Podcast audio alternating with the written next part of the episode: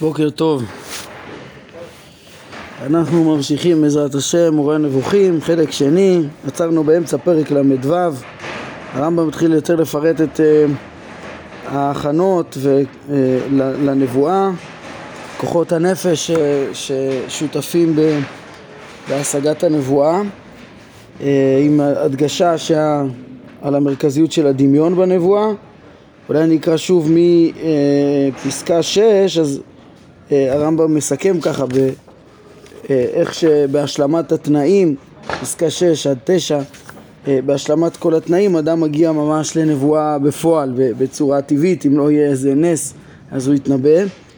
אה, אומר הרמב"ם אחרי ההקדמות האלה, דע לך שאם עצם מוחו של אחד מבני אדם מעיקר טבעו הוא בשיא האיזון בזכות חומרו ובמזגו המיוחד בכל חלק מחרקיו וגודלו ותנוחתו ולא ימנעו אותו מונים מצד המזג מעבר אחר. יש לו שכל תקין, אה, קודם כל בצורה מולדת, טבעית. אה, ואחר כך קנה האדם, האדם הזה דעת וחוכמה עד שיצא מן הכוח אל הפועל ונעשו לו שכל אנושי באופן מושלם וגמור ומידות אנושיות טהורות ומאוזנות. היה לו את האפשרות אה, להשכיל והוא הוציא אותה מן הכוח אל הפועל אה, את, ה, את, המקס, כן, את השלמות הזאת של שכלו אה, גם בחוכמה וגם ב, ב, בשליטה על המידות ותיקון המידות. וכל תשוקותיו יהיו לידיעת סודות המציאות הזו והכרת סיבותיה. ומחשבתו פונה תמיד אל הדברים הנשגבים ואין הוא מתעניין אלא בהכרת האלוה וההתבוננות בפעולותיו ומה שראוי להאמין בכך. כן, זה גם מה שמעסיק אותו כל הזמן השגת הבורא באמצעות השכל והמידות הטובות שלו, מה שהוא פונה אליו כל כולו זה להשגת הבורא. אה, כמה שאפשר. והשבית את מחשבותיו וביטל את תשוקתו לדברים הבהמיים. כן, הוא כל הזמן מרוכז בחוכמה ולא מעניין אותו ולא מעסיק אותו בכלל הדברים הבהמיים, כלומר העדפת אה, הנעת האכילה והשתייה ויחסי המין, כללו של דבר חוש המישוש שאריסטו ביאר באתיקה, בספר אתיקה, ואמר שהחוש הזה הוא חרפה לנו. זה החוט, החוש הפחות ביותר שיש אה, באדם, החוש שרוצה את הנעת האכילה והשתייה והנעת התשמיש וכולי, כן, ולא רק משתמש בזה במינימום, אולי, אולי נרחיב בזה עוד מעט קצת יותר. קודם כל נראה את התיאור של הרמב"ם, אה, איך שזה מהתנאים לנבואה, גם העזיבה של העיסוק ב, ב, כן, אה, בתשוקה הזאת, וכמה נאה מה שאמר אריסטו בעניין הזה, וכמה נכון שהוא חרפה, הרמב"ם חוזר על זה, משבח את זה מאוד אה, פה לראשונה, ועוד עוד כמה פעמים בספר, אנחנו נראה את זה בהמשך, אני חושב גם בפרק מ' בחלק הזה, ובחלק ג', גם בפרק ח', הרמב"ם יאריך בזה מאוד, בהמשך עוד בפרקי טעמי המצוות. אה, הוא מאוד משבח את הדברים האלה ונסביר אותם כבר, כמו שאמרתי. כמה נאה מה שאמר וכמה נכון שהוא חרפה, כי הוא לנו באשר אנו אה, בעלי חיים ותו לא, כשאר הבהמות. ואין בו כלום מעניין האנושיות, אין בו אה, שום כן, הוא לא, לא, מהחוש הזה לא קונים שום איזה אה, בעלה אנושית, ייחודית, עליונה. ואילו שאר, לעומת שאר הנאות החושים, כמו הריח והשמיעה והראייה, הרי אף על פי שהן גופניות, זה גם כן השגות בעצם של דברים אה, חומריים, גופניים, וזה כוחות גופניים, עדיין אומר הרמב"ם, יש בהם לעיתים הנאה לאדם באשר הוא אדם, כמו שביאר אריסטו שם. אבל החוש המישוש אין לזה, אין לאדם הנאה אה, ייחודית באשר הוא אדם, אלא כל אה, העסק בזה וההנאה של זה, זה רק הנאה בהמית. משהו שיש גם לבהמות, משהו לא ייחודי לאדם, משהו לא, אה, שאין לו בעצם ערך אנושי מיוחד. אומר הרמב"ם, התגלגלנו לדבר על מה שאינו מן המטרה, אך יש בו צורך עבורה.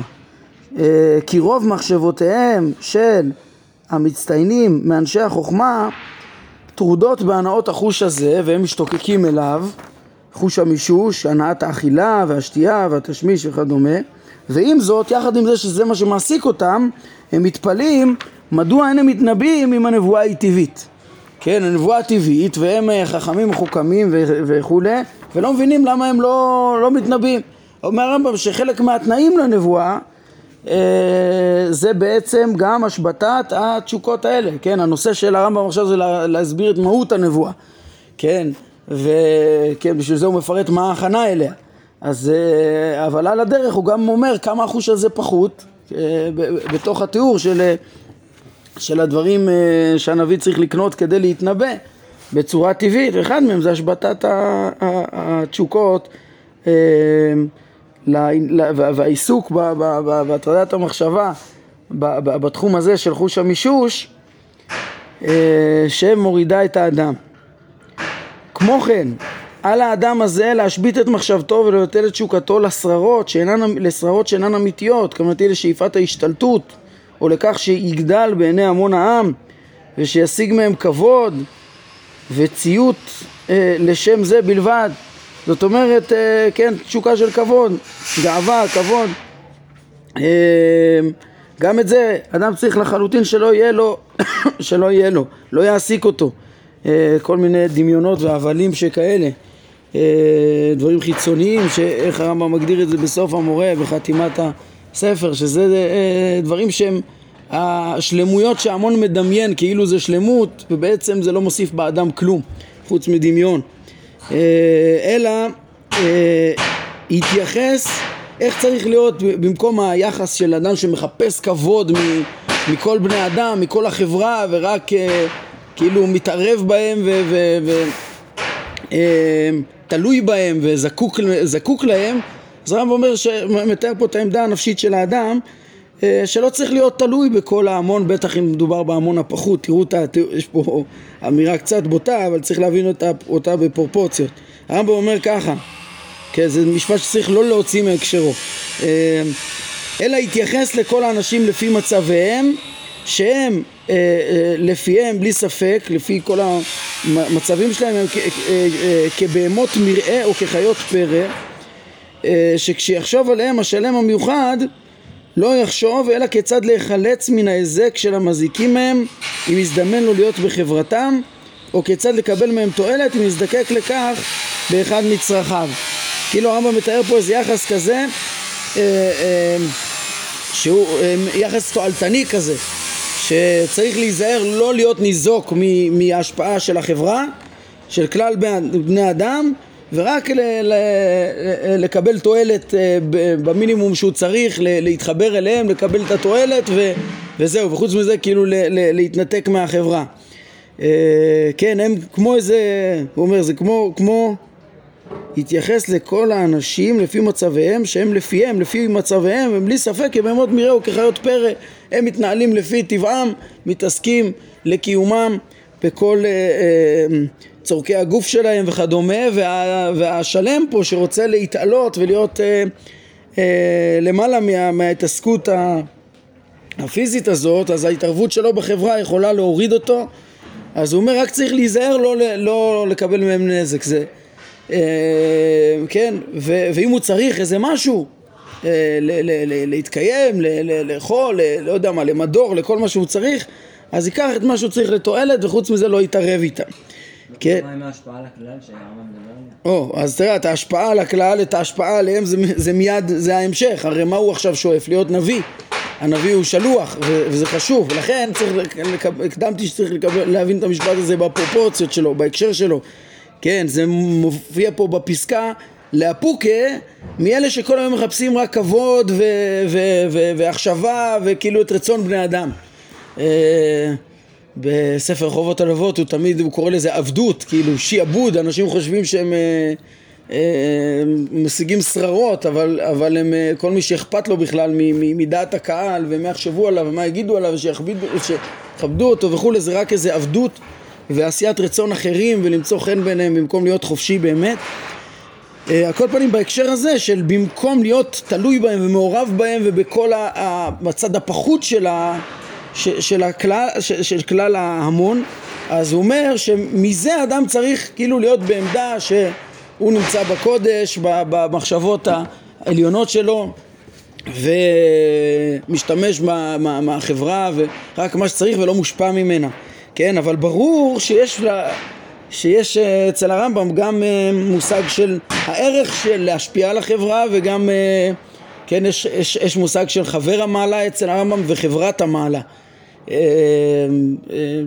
יש לו דברים מופלאים בפרקי אבות, על קנה לך חבר, שהרמב"ם מתאר שם את סוגי החברויות, חברות של נחת, חברות של תועלת וחברות המעלה אה, שהיא רק, אה, כן, אה, חברות הרב לתלמיד וחברות של, של, של, של כולה התקדמות, כן, בסוף עם ישראל למשל, ממלכת כהנים וגוי קדוש הם, הם חברת מעלה, הרמב"ם אומר שהשם הרב לנו שלא לא נחדל להיות אומה חשבה, זאת אומרת יש לנו אידיאל כזה להיות חברת נעלה, חברה נעלה לא נחדל מיות אומה חשובה, ככה הרמב"ם אה, אה, כותב באיגרת תימן, אה, ככה שברור שיש גם מושג של חברות שכל כולה רק מרוממת את החברה כולה, כן, אבל אה, באופן, אה, כן, אם מסתכלים במציאות, מה שקורה בפועל, הרבה פעמים החברה מורידה ו- ותמיד השלם, הנביא, הוא יהיה מעל החברה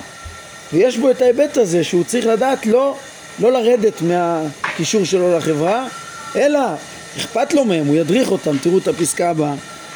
אדם ששלם בכל השלמויות האלו, אמרנו מעיקר טבעו, בשכל ובמידות, ואחרי שהוא הוציא את זה לפועל, ובזה הוא עוסק תמיד, כל כולו מוכוון ל, אה, לידיעת השם, ולא לשום, הרמב"ם מפרט איך המידות שלו מתוקנות, אז גם אין לו תשוקות, לא לחוש המישוש, לא לגאווה וכבוד וקנאה וכל החסרונות האלו. אדם שזהו תיאורו, אין ספק שכאשר יפעל כוחו המדמה הנמצא בשיא השלמות האפשרית, כן, ויקבל שפע מן השכל. בהתאם לשלמותו העיונית, הרי הוא לא ישיג אלא דברים אלוהיים מופלאים מאוד, ולא יראה אה, דבר מלבד השם ומלאכיו, שהם הזכלים הנבדלים, ישיג את השם בשפע השכלי דרך הזכלים הנבדלים, או יראה את זה גם בדמיונו, כי אצל הנביאים תשימו לב איך שהוא מתאר פה, שופע השכל, אה, שופע השפע, ל, ל, הדמיון שלו פועל ובהתאם לשפע ששופע לו קודם כל השכל אה, לפי מדרגתו, לפי מדרגת המציאות שלו, לפי העומק שלו, אז גם שופע אחר כך שפע לדמיון ואני מזכיר לכם, כמו בניגוד למה שהוא תיאר את החלום שהוא אחד משישים אה, בנבואה, ששם אה, לא, שם כל מה שהדמיון ישחזר זה דברים שהוא השיג בחושים, אז פה מתואר שיש פה שפע שה, שהדמיון מקבל מה, מהשפע השכלי, כן, וזה אה, דברים שבעצם מגיעים מהשכלים הנבדלים, מהשגת השכלים הנבדלים, לא מדברים שהוא קלט בחושים, לא מן החושים אלא מהשכל, והשכל ממקורו. אז אה, עם כל ההכנות האלה, האלה הרי הוא אה, לא ישיג אלה דברים אלוהים מופלאים מאוד ולא יראה דבר מלבד אשר ומלאכה ולא ירגיש ולא תושג לו ידיעה אלא בדברים שהם דעות נכונות והנהגות כלליות לתיקון בני אדם זה עם זה הנה מה בסוף משיג הנביא? דעות נכונות והנהגות כלליות לתיקון בני אדם זה עם זה. כן ואנחנו עוד נלמד גם עוד יותר בפרקים הבאים אה, על, על, על השליחות של הנביא, איך שמתוך ההשגה הוא ישר מדריך בני אדם, זאת אומרת הוא לא אחד שרק, אי אפשר כמו שאמרתי להוציא את הפסקה הקודמת מהקשרה, הוא לא אחד שמתנזר מה, מה, מהקהל וזהו ובורח, לא, הוא אחד שמתעלה ודבק ב, ב, ב, בקדוש ברוך הוא ויודע אותו ויודע את דרכיו ורוצה להתרחק מהמידות הרעות של הקהל, של, של ההמון ולא לקבל מהם אלא אחר כך, אלא להדריך אותם ולרומם אותם במקום שיש חברות מעלה, אז אדרבה, אז, אז כולם, בני הנביאים מתנבאים בחבורות ומתעלים וכדומה. אמ, כן, אז, אז בעצם הרמב"ם לימד אותנו פה על ההכנה לנבואה, עם, אה, בעיקר עם ה... בפרק הזה היה הרחבה על הדמיון, אבל בתוך המהלך הזה שקראנו עכשיו אנחנו רואים באופן כללי את עיקר ההכנה אה, שצריכה להיות לנביא. פעם שעברה קראנו אותה גם ממה שהביאו פה מלכות יסודי התורה.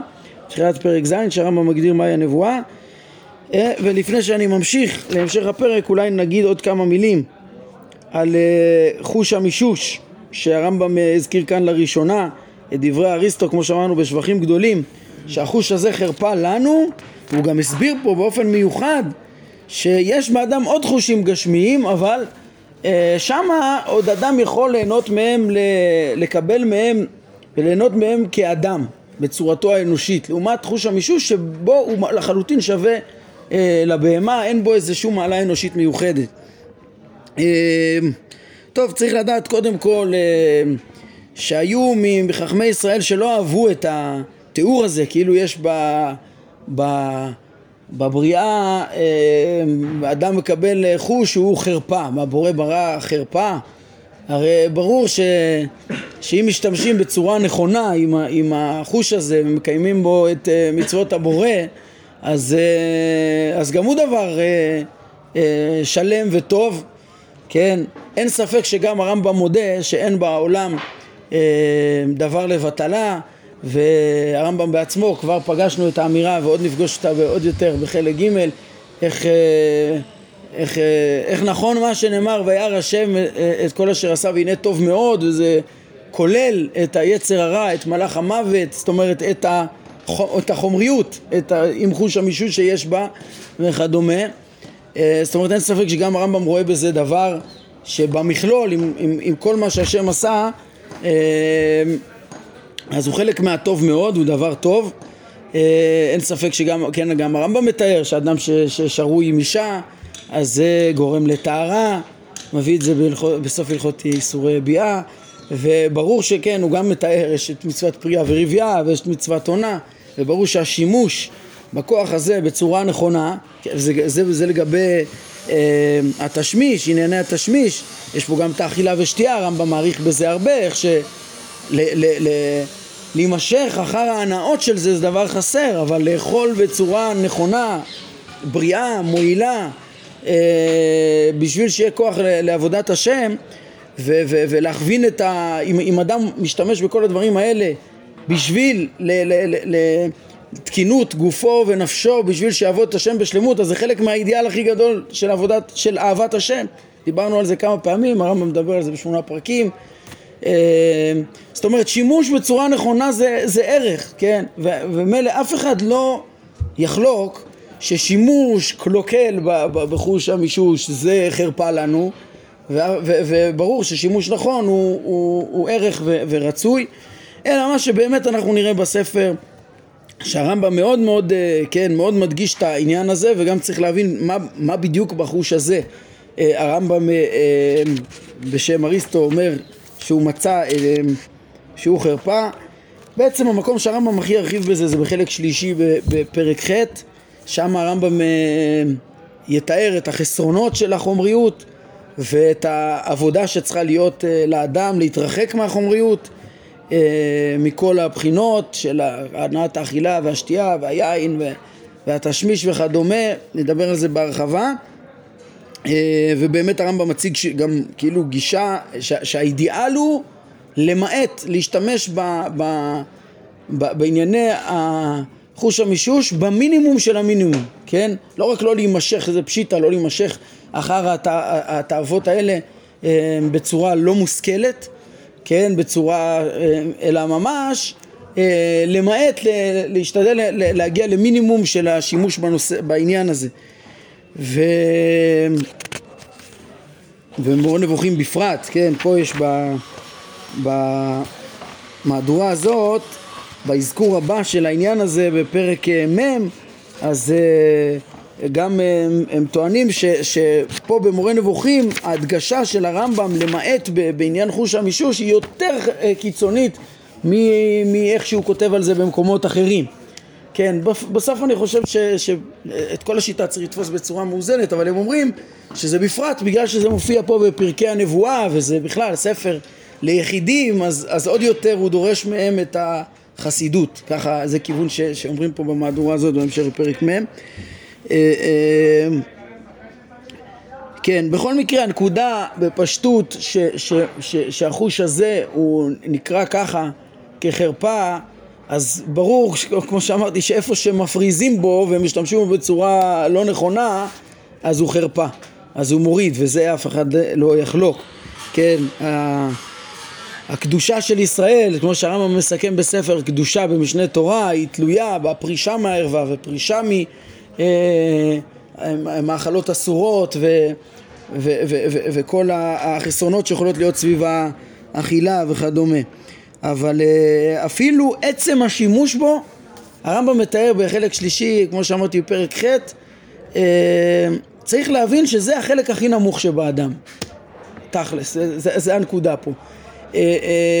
לאדם יש לו, למדנו את, את הצורה ואת החומר, כן, עם כל הרמיזות של הרמב"ם לזה מתחילת הספר, מההקדמה, וענייני איש ואישה ואדם וחווה וכדומה, היה שם גם רמיזות לשכל שבאדם וחומרו, והמעלה של האדם ובסוף הנצחיות שלו זה שיתרכז בצורתו וידבק בבורא דרך השפע השכלי, וישתמש בכל הכוחות להתעלות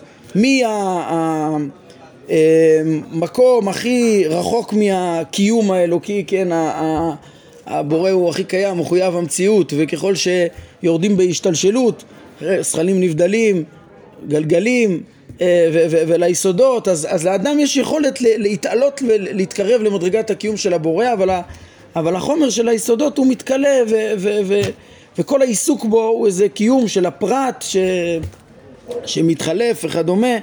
הוא בעצם כאילו במובן מסוים הכי רחוק, הכי פחות, הכי רחוק מהבורא, מהקיום של הבורא. וממילא להיות מרוכז בו זה הדבר הכי חסר ולהתעלות ממנו, להתעצם בחוכמה זה הדבר, זה, זה עיקר האידיאל. עכשיו בשאר החושים כנראה שיכול להיות יותר אה, תועלת אה, אה, נפשית ועזר בהשגה כולל אפילו ראייה שמיעה ריח, אדם קולט עם זה אה, תכנים שעוזרים לו ל, להשכיל ומרוממים אותו וכדומה. והחוש המישוש, אולי אדם גם בעיתו, באמצעותו יכול לקלוט דברים עם, עם אה, עצמים, עם, אה, מה, מה, מה האיכות שלהם, מה התכונה שלהם, קשים או רכים וכדומה, רטובים או יבשים, או, אבל, אבל התכנים האלה הם לא חשובים, הם בעצם, בעצם זה חוש שקולט את הצד הכי גלוי והכי אה, אה, פחות של המציאות, כן? וזה דבר שגם בעלי החיים קולטים אותו לא פחות, אם לא יותר מהאדם. ו... ובעצם כנראה התועלת של המידע של חוש המישוש הוא, הוא, הוא גם כן אה, פחות, אין לו, אין לו את הערך שיכול להיות בשאר החושים. כן, פה הם מביאים אה, בביאור אה, ציטוט של הרמב"ם, איך יכול להיות משאר החושים, כן, הרמב"ם בעצמו בפרק חמישי משמונה פרקים, מתאר איך שיכול להיות אפילו דברים שאדם עושה להרחבת הנפש, כמו יושב בדירנה ויש לו דירנה, ישנה, ומיטה מוצלת לתלמידי חכמים, שאפילו הוא יפתח את, ה, את, ה, את הכתלים בפיתוחים, בציורים, בכל אה, מיני דברים כאילו, אה, ובגדים יפים, כאילו לא, שאתה לא, אין בהם לכאורה ערך, אבל הם נותנים הרחבת הנפש שזה מועיל בסוף לעבודת השם. אם אדם עושה את, את הכל באמת לפי הצורך של נפשו ולתועלת אה, בכוונה הנכונה, אז זה דברים שיכולים להתרומם ו, וכנראה שבחוש המישוש זה פחות שייך, כן? האמת שעל הדברים שלהם אם מביאים, אם מביאים רק את הציטוט הזה לכאורה זה לא מספיק כי יש גם צורכי גוף שיכולים לעזור לאדם. גם חוש המישוש יכול לעזור לאדם להרחבת הנפש וכדומה, לכאורה. אלא מה שנראה לי שצריך להוסיף את הנקודה שאמרתי קודם, ש, ש, שסוף סוף, גם אם זה עוזר לו, אבל זה עוזר לו בהנאה גופנית, והוא מתעסק ב, ב, בצד הכי, כן, הקליטה של חוש המישוש זה בעצם הקליטה של, ה, של המישור הכי פיזי, הכי נמוך של המציאות, ו... ו- ו- ובו יש פחות ערך מאשר לקלוט אה, אה, אה, אפילו את החומריות בצורה יותר עדינה בקליטה של ראייה ושמיעה ואפילו אה, ריח. ראינו שהבורא לא מתואר אף פעם במגע, בחוש המישוש בכלל. כן, לא בצורך, לא באכילה ושתייה שזה צורך, ולא, אפילו, אפילו בלשון בני אדם זה, מבינים שזה חיסרון. כן. טוב, בקיצור זה בהקשר הזה, ועוד נפגוש את זה בעזרת השם בהמשך, פרק מ' בחלק שלישי. אמ, אז זה לגבי התיאור הזה שהרמב"ם אומר איזה הכנות צריך אה, בשביל אה, להגיע לנבואה, וכשנשלמים אותם שלמויות אה, שהם מעיקר מולדות מעיקר היצירה, עם האימון, עם ההוצאה מן הכוח אל הפועל של החוכמה ושל הריכוז בחוכמה וביטול כל התאוות, אז אה, באמת אפשר להגיע לנבואה. ואז גם להדריך מה אדם משיג, אדם משיג, שימו לב איך שהרמב"ם מתאר פה, כן, כל נבואה באופן טבעי משיג דעות נכונות והנהגות כלליות, גם כן, חוץ מהדעות, גם הנהגות כלליות לתיקון אה, בעיני אדם זה עם זה, את אותה אה, הנהגות שנדרשות בעצם להידמות, אה, דיברנו עליהם גם בפרק נ"ד וחלק א', כמה מקומות, על האידיאל של לא רק להשכיל, אלא גם להידמות, ולהידמות זה אומר גם להנהיג אחרים. ולא רק, אה, כן, ולנהוג ולהנהיג כל אחד כפי יכולתו, דבר שעוד יתברר יותר בפרק הבא, העניין הזה של ההידמות. טוב, נתקדם. ידוע ששלושת הנושאים האלה שדנו בהם, כן, שלושת הנושאים העיקריים של ההכנות להשגת הנבואה, שזה שלמות הכוח ההוגה על ידי קניית דעת, קודם כל הנביא צריך להיות חכם, ושלמות הכוח המדמה מטבעו המולד, כמו שהרמב"ם חידד לנו בפרק הזה, שגם זה תנאי גדול, שלמות ממש של כוח המדמה, ושלמות המידות, גם כן, אה, אה, על ידי השבתת המחשבה בכל הנאות הגוף וסילוק התשוקה למיני ההתפארויות הטיפשיות והרעות, כן, התשוקה לחוש המישוש כמו שהוא אמר, ולכבוד וכדומה. אה, אז בכל שלושת הדברים האלה יש בהם הבדל רב מאוד במעלה בין השלמים ובהתאם לשוני במעלה בכל אחד משלושת הנושאים האלה יהיה השוני בדרגות כל הנביאים. כן, זאת אומרת כמובן שיש איזה רף נדרש בכלל בשלמות בשלושת הדברים האלה בשביל להיות נביא, אבל גם אחרי שאדם אה, מוגדר שלם בין השלמים, ששלם בשכל ובדמיון ובמידות, עדיין יכול להיות בזה סולם אה, אה, ומנעד גדול של מדרגות שהוא זה שמבדיל בין השלמים, כן?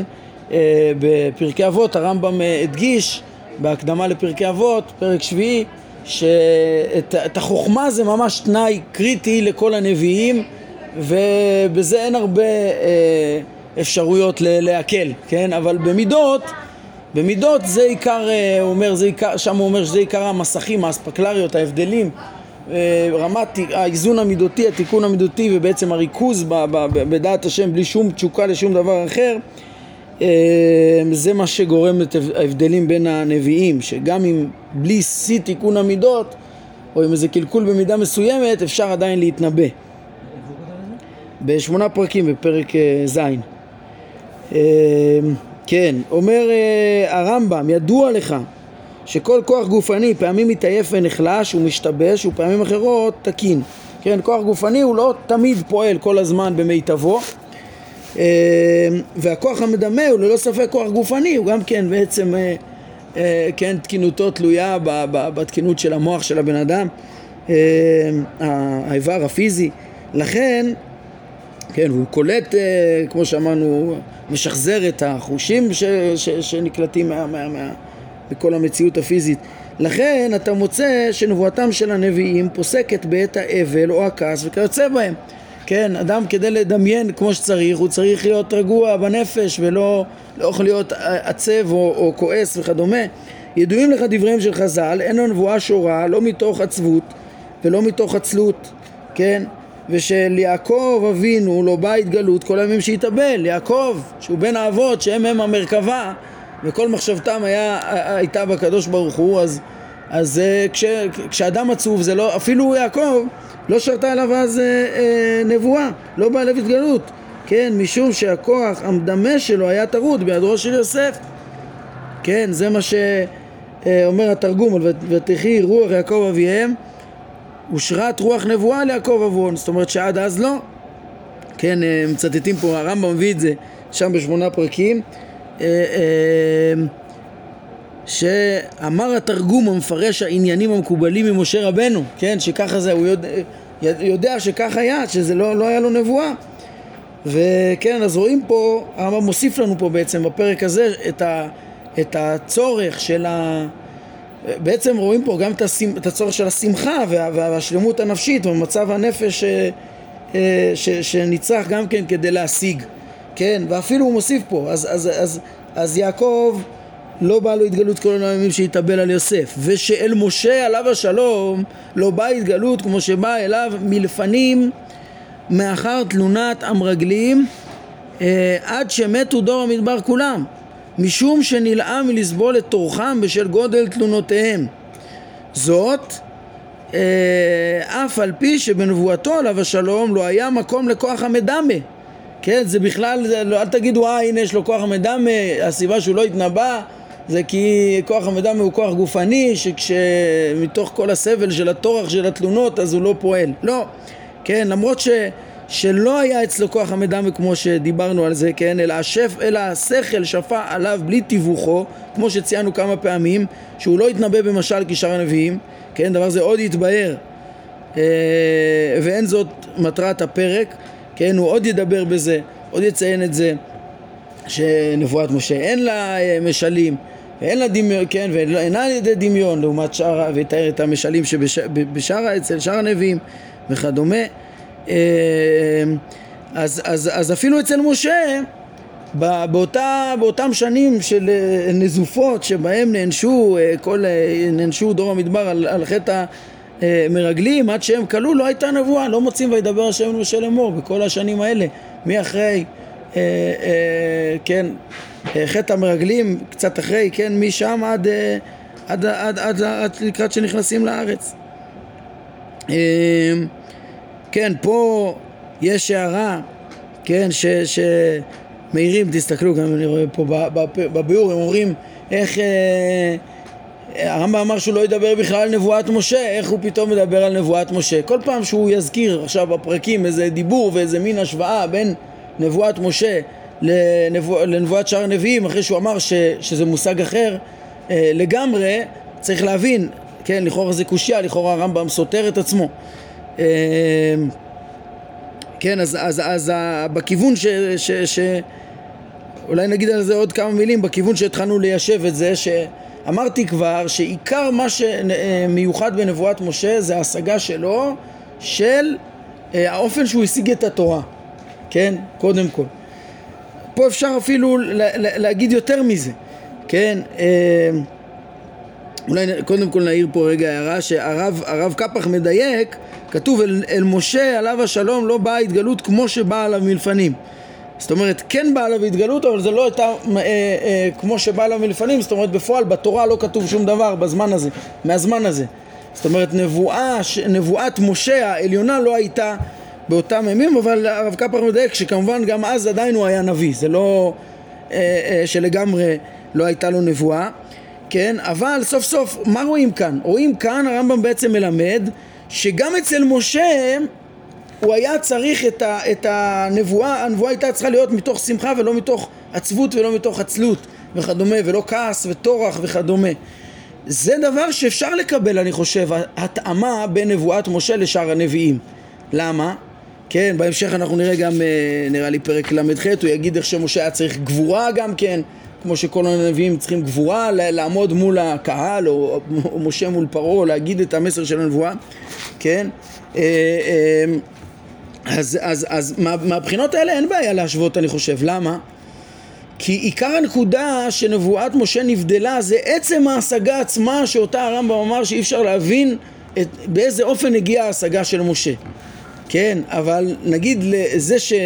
הרי גם משה היה, אה, אה, זכה להיוולד פה כבן אדם וגם הוא היה צריך, אה, כן, מבחינת ההכנה הרמב"ם מתאר איך שהוא תיקן את כל המידות שלו, כן, איך שהוא התעלה, איך שהוא היה חכם וכולי וכולי בסוף הוא הגיע למדרגת השגה יותר מכולם והנבואה אצלו הייתה נבואה. עצם התוכן, האופן שהוא הגיע אליו היה יותר ברור מכולם. בחיתוך דברים, שכל לבד כמו שהוא אומר פה, בלי דמיון. אבל, אבל זה שהוא יתנבא מתוך שמחה זה, זה אפשרי אולי נחדד את זה ככה, נוסיף, כן, הרמב"ם כשהוא אמר שהוא לא ידבר על, על נבואת משה, בפרק ל"ה, אז הוא אמר ש, שהוא, אפשר לקרוא למשה ולשאר הנביאים אה, נביא באותו ביטוי רק בסיפוק. תשימו לב, הוא לא אמר שזה אה, מונח רב משמעי, בשם משותף מה שנקרא, שזה לחלוטין משמעויות שונות. כן? אלא הוא אמר שזה בסיפוק. מה, מה, מה זה סיפוק, כן? אז הדוגמה ש, שהבאנו, שאדם אה, נאמר גם על אדם חי וגם על אה, אדם מת וגם על פסל ב, ב, ב, בדמות אדם, לכולם אומרים זה אדם, כן? אז, אז, אז מה מיוחד בסיפוק? בסיפוק זה שיש איזושהי תכונה משותפת. התבנית של האדם היא, ב, ב, בשלושת הדוגמאות שהבאנו, היא, היא, היא אותה תבנית, תבנית של אדם, אבל ספק האם זו תכונה מהותית, כן? מספיק ש, שנוכל להגיד שיש כאן משמעות אה, אחת באמת למושג אדם, או שזה משמעות שולית לחלוטין, זה תבנית אדם וזה לא... זה, זה, זה, אז בעצם זה דברים שונים לחלוטין. עכשיו, באמת יש בו מושגים שונים. השאלה אם יש איזה, אה, אם, אם הנקודות שכן דומים בהם, שלכן אנחנו קוראים לשלושתם אדם, הנקודה. האם זה דבר מהותי או לא, זה הספק. כן, לכן גם פה, בנבואת משה ושאר הנביאים, ברור שזה נבואה וזה נבואה, אה, בדברים לא מהותיים, כן, או לא מספיק, לא עיקריים. בעצם יוצא ש... ש ש... או בדבר העיקרי שזה האופן השגת השפע מאת השם אה, אל הנביא, האופן שהוא קולט אותו, האופן שהוא, המדרגה שהוא מתעלה ומשיג ומתחבר לבורא, בזה נבואת משה היא אחרת לגמרי, וזה עיקר הנבואה. אה, גם אה, משה היה צריך את כל התנאים של, של, של, של העיסוק בדעת השם, וגם הוא היה צריך להתנבא מתוך שמחה. בסדר, זה, זה, זה דבר חיצוני יחסית, לכן הרמב"ם קורא לזה סיפוק. השאלה, השאלה אם זה מספיק מהותי כדי לקרוא לשניהם אה, נביא, לכן הם נקראים ביחד בסיפוק, לכן נראה לי שזה לא יוצא מהכלל של הרמב"ם שעל עצם נבואת משה הוא לא יגיד מילים, שזה דבר נשגב שאי אפשר להבין, כמו שדיברנו במעמד הר סיני, אותו קול, איך ששמע משה אף אחד לא שמע כמותו, וזה דברים מופלאים, לא היה כמותו ולא יהיה כמותו. וזה הקול שבו ניתן התורה, ובזה אין דומה לו. שהוא באופן שהוא כסופר, כמחוקק, שם חלקת מחוקק אה, ספון, המחוקק אין, אין דומה לו במדרגת ההשגה שלו ולא יהיה. אבל, אבל בתנאים לנבואה זה בעיקרון דומה, רק שגם בזה הוא התעלה יותר מכולם, בתיקון המידות וכולי.